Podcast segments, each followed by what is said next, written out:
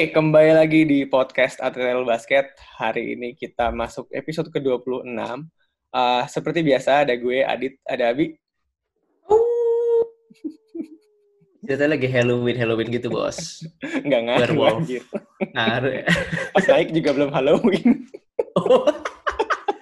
Sa- sa- oh iya, salah salah memperkirakan gue serius. Iya, salah kan. Jadi, uh, mungkin kalau yang berpikir off-season gitu kan, podcastnya bakal sepi, Anda salah. Karena justru Nope. kebalik, kebalikannya tiga minggu ke depan malah lebih banyak nih. gitu. Jadi seminggu dua kali ya. Jadi ini harusnya sih kalau tidak ada perubahan yang naik di Senin ya. Jadi paling kalian dengerin ya Senin malam atau Selasa pagi gitu. Cuman basically, wah mau episode lebih banyak emang mau ngomongin apa sih gitu kan. Kita mau ngomongin off season buat masing-masing tim nih, 30 tim. Gila, emang gila gitu. Jadi mungkin buat skema detailnya gue lempar ke Abi kali ya, cuci tangan gue. Gimana, Bi? Kita satu episode bahas 30 aja, berarti gimana. Nggak, Deng. Em, kita bahas enaknya mungkin 5 per tim. Sounds good? Sounds good. Oke, 5 per. Nah, eh, untuk enaknya, jadi for the next couple of weeks, we're gonna talk each eh, episode 5 tim. Dan biar enaknya kita bagi per episode itu per divisi. Dan kebetulan karena di divisi NBA ada 6, dan tiap divisi ada 5 tim. Eh, di, nah, di tiap episode ini, tiap divisi, kita akan ngulik tiap tim. Dan di tiap tim, kita akan coba bahas performa mereka dari mu- musim lalu, dari segi perolehan poin, eh, how do they stop their opponents, their defensive ratings, pokoknya kita lihat mana plus minus mereka. Dan dari situ kita akan geser ke komposisi tim tersebut dari segi pemain, posisinya adakah posisi yang mereka belum bisa fulfill atau starter yang masih kurang. And then dari situ kita lihat juga ke uh, kondisi kontrak dan aset-aset mereka di masa depan. Kayak misalnya uh, draft picks mereka di masa depan banyak atau enggak, kontrak mereka banyak yang kontrak quote-unquote movable atau kontrak-kontrak yang membebankan salary cap atau enggak, dan seterusnya.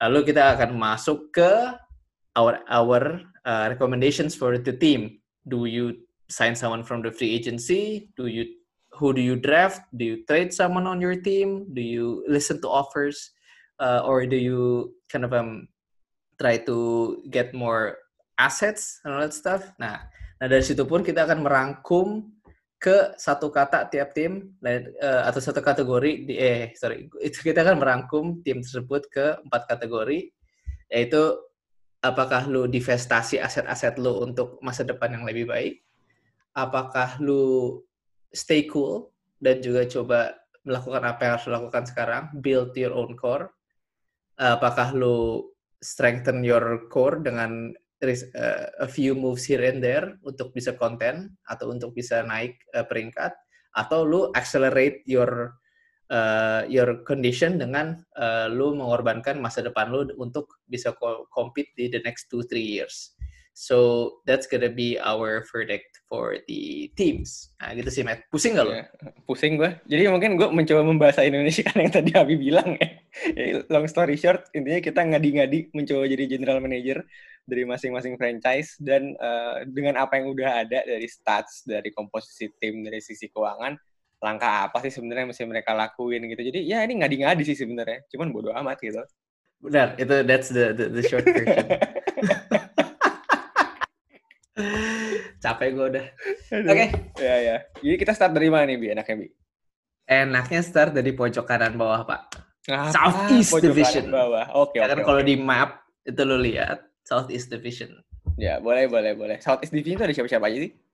Ada satu Atlanta Hawks. Nomor dua ada Charlotte Hornets. Yang ketiga ada Miami Heat, finalis tahun lalu. Yang keempat ada Orlando Magic. Dan yang kelima ada Washington Wizards. Oke, jadi kita start dari Atlanta Hawks. Gimana Bi Hawks? Uh, Hawks kalau dilihat, mm, it's Trey Young's team. Uh, I think they're a young team. Uh, minusnya kalau lihat dari statsnya ya, dari tahun lalu, mereka very uh, 20 kali kalah, 47 kali eh 20 kali kalah. Eh sorry, 20 kali menang, 47 kali kalah, which means mereka cuma win percentage around 30%. Uh, they have the 27th worst record in the league. Dan mereka secara plus minus offensively mereka ini sih, mereka they put up a lot of shots.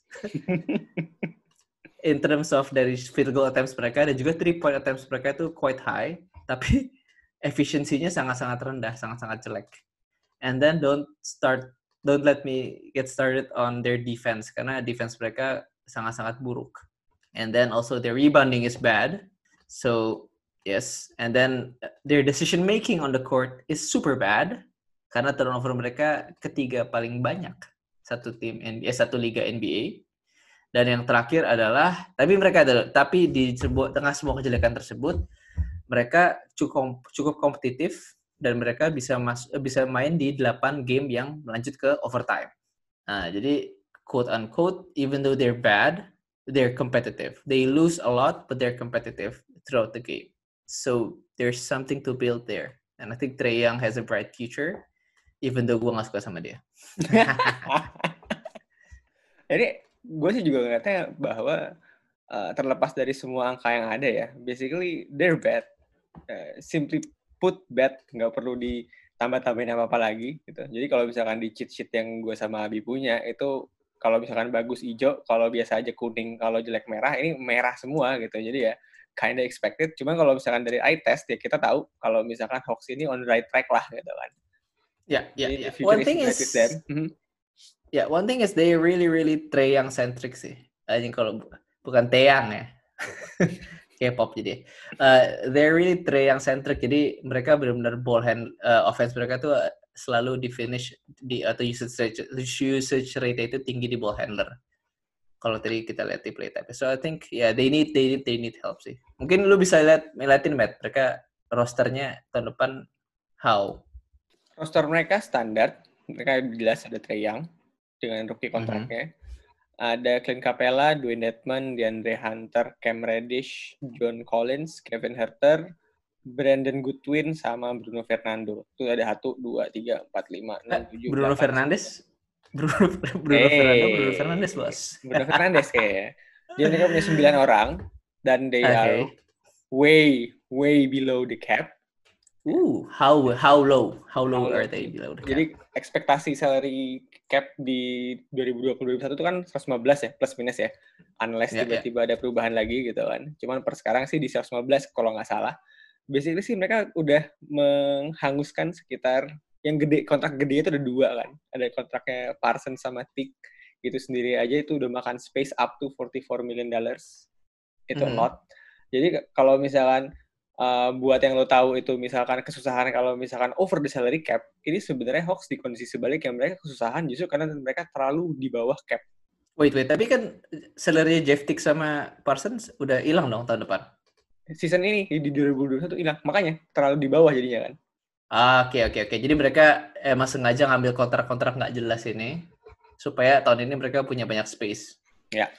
Cuma paling kalau okay. kalau misalkan mau ngomongin ke siapa-siapa kan salah satu yang masuk ke apa namanya ke free agency kan juga salah satunya DeAndre Bembry ya restricted kan gue rasa sih mm -hmm. mereka akan ya karena punya kapasitas untuk bayar berapapun juga ya jadi sih rasanya bakal diambil ya kan jadi kalau misalkan emang udah oke ambil Bembry mereka masih punya sekitar lima slot pemain lagi yang di mana itu mm -hmm. masih dengan angka berapapun itu sangat banyak jadi sebenarnya apa ya cukup fleksibel in terms of cap space cukup fleksibel cuman dengan I think lihat, cukup is underselling itu very very fleksibel sih mereka kayak mau ngesign.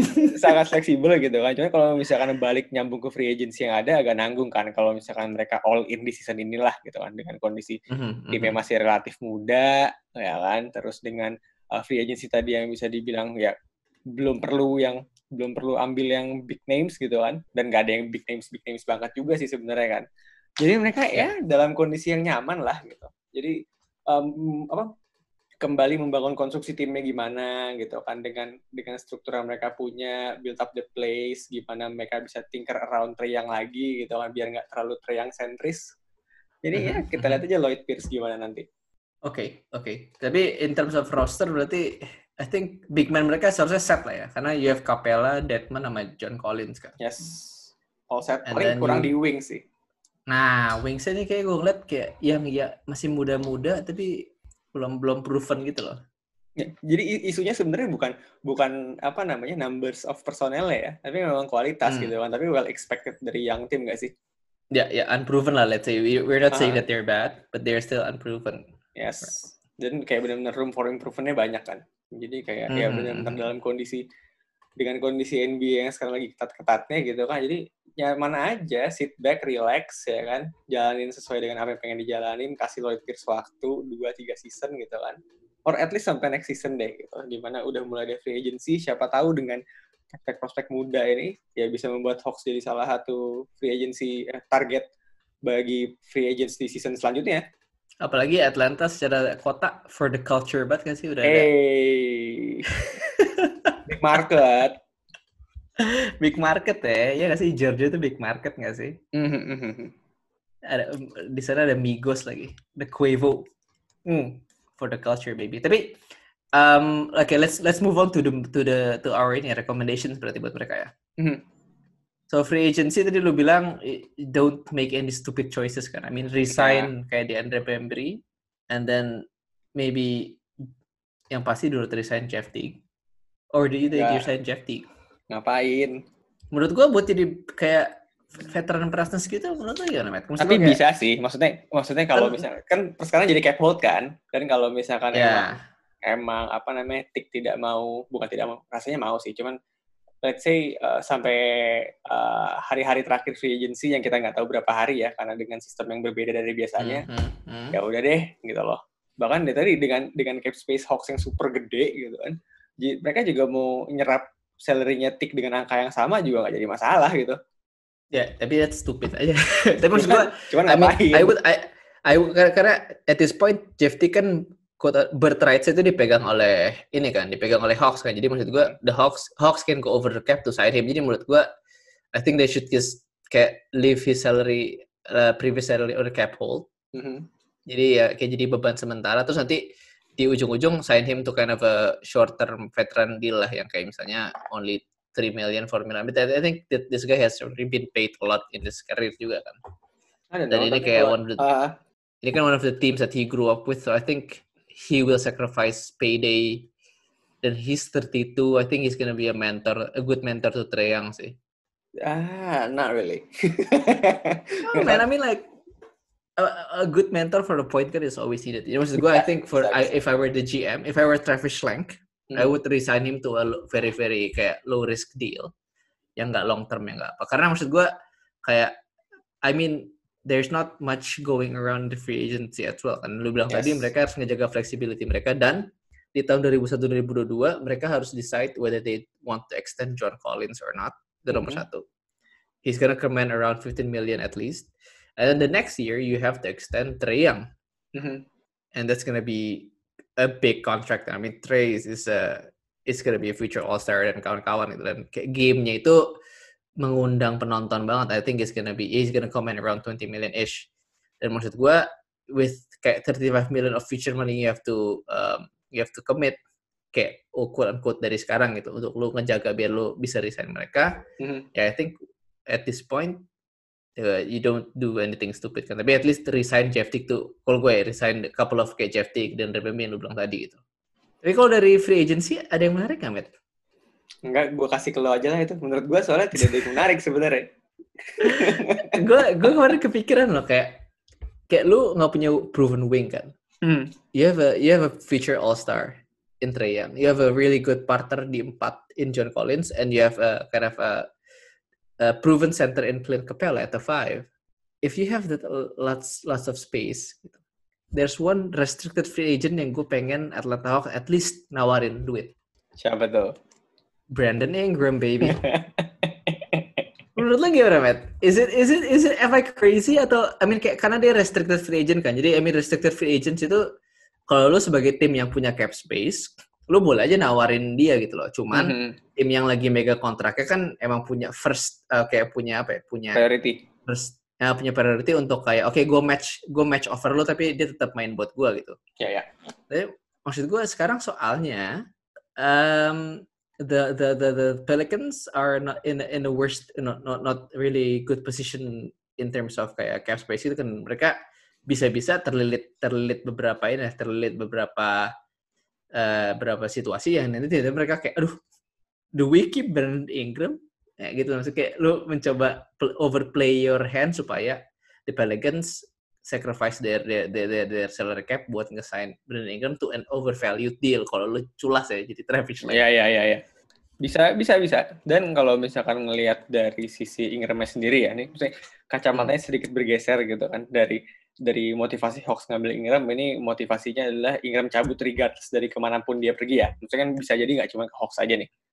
Lebih Hmm. ngeliat kalau misalkan basically the future of New Orleans tuh ada di Zion gitu. Lu nggak bisa Of course. nggak bisa nggak akan bisa mendinai itu karena bahkan dari hari pertama dari Zion belum masuk aja itu lebih marketable bandingin Ingram kan. Jadi kayak Iyalah. jadi buat Brandon Ingram jadi don't expect too much uh, of yourself lah gitu. Jadi kalau misalkan tiba-tiba in this case Hawks uh, willing to offer you berapapun yang lo mau, ambil aja. Alright, itu kan maksud gue kayak lu monetary monetary monetary mo, mo, uh, financial financially lu nggak lu nggak rugi. Kayak and then you have the kind of you can be the face of the Atlanta Hawks. Walaupun berdua sama Trae Young sih. Ya tapi and then I mean daripada Zion overvalued piece of meat. I mean you can be the the go-to guy man. And I think yeah BI should should should, should consider it tapi okay okay let's that's enough about BI okay then who should uh, apa lagi the next draft draft draft they have the sixth sixth pick Ah, gua, gua, gua soal draft seperti yang lo tahu gue tidak mengerti. kan. Cuman basically sih kalau Hmm. misalkan lihat dengan kebutuhan ya, ya Mhm, they mhm, should mhm. sign wings gitu, nggak ada pilihan wings lain. ya Ah. Dan, dan kalau kita ngeliat kayak banyak pick boards yang sudah bertebaran I think wings di posisi 6 di posisi kayak uh, 6 to 10 itu banyak yang bertebaran tuh. You have tapi nah menurut lo do they go the defensive route? Mhm. or do they kind of go kayak okay I'm gonna be kind of an offensive machine. Karena menurut apakah lo mikir bahwa defense bisa gue temukan di G League atau di late round picks? Mhm. but offense is sometimes that's hard to come kan tapi maksud gue do you go offense or defense wingnya offense. Karena gue gue kiblat yang percaya defense tuh lo bisa bisa tinker dengan sistem kan. Hmm, hmm, hmm. Cuman kalau offense ya lu you need the talent. Kayak Right, it's not something that comes around easily gitu ya. Jadi gue kalau misalkan dan dan ada dannya juga sih in terms of value kan ya lebih lebih tinggi value uh, pemain-pemain offense dibandingin defense kan. Okay, cool, cool, cool, cool. I mean, if you're looking for offensive wings, you can add. Kalau lu lu bisa ber, berdoa kepada Tuhan Tuhan basket, Denny Avdi, Avdia is still around in number six. Tapi less likely karena maybe some other teams will pick him. Mhm. And what? Uh, maybe I think the the second best offensive wing at this point itu adalah Ernie Smith. Dia dari Vanderbilt. He's he's averaging 51% field goal, 52% from the three point line. Guy's a machine. I think you should take him then. Berarti go to offensive wing route and hope that Denny Avia or it is around, or if not, you go with uh siapa tadi? Aaron Smith berarti ya. Mhm. Bahkan kalau Oke. misalkan ngikutin projected pick-nya ya. Ini gue lagi mengambil contekan dari punya Abi gitu. Dengan asumsi kan picknya pick 6 ya. Hmm. Mereka kalau misalkan sesuai dengan dengan projected picks-nya kalau buat ngambil Naismith aja mereka bisa turun gitu loh. Bisa trade down. Yeah, you can trade down. Yeah, yeah, yeah. dan yeah. dapat aset entah apa pun aset itu yang lain ya gitu. Can, can, can. Yeah, I mean, that's they're gonna be uh, interesting. I mean, Atlanta Hawks is in a good position. They have Yes. flexibility wise. Whew, Travis Schlenk bisa telepon kanan kiri nih. Oke. Jadi se- Cool. jadi de- dengan dengan apa semua segala macam apa ya privilege yang mereka punya gitu ya. Jadi kayak along down the way 4 5 tahun lagi Hawks not even contending itu ya isunya isu front office sih. Semua itu uh, it's all on the platter gitu loh, udah dikasih gitu loh. Lo cap space punya, ya kan? Uh, nggak cuma Mhm, cap space mhm. punya juga sebenarnya basic roster lo udah ada, building block saya udah jelas gitu, ya kan? Cuma kalau misalnya tadi selama proses 3 4 tahun ke depan nggak jadi apa-apa ya ya udahlah nggak usah berharap banyak gitu. Yep, yep, yep. True, true, true. Tapi I mean, so they should just stay cool ya. Jangan Stay cool. accelerate, Yes. stay cool. Okay, cool. Nggak usah buru-buru gitu. Maksudnya dengan, Nggak usah dengan, dengan dengan quote unquote status quo yang ada sekarang gitu kan. Lu mau kayak apa juga nggak bisa daripada lo sacrifice itu semua karena udah ada contoh ya dari tim dari pinggiran kota New York gitu, tim Brooklyn. Mereka sacrifice semua tapi akhirnya eventually nggak jadi apa-apa dan dampaknya panjang kan. Jadi ya lu belajar you're dari talking about the Paul Pierce, Kevin Garnett. yes. Oh, ya, jadi omongin deh. sedih Oke, gue oke, denger oke, itu. oke. Oke, next team please.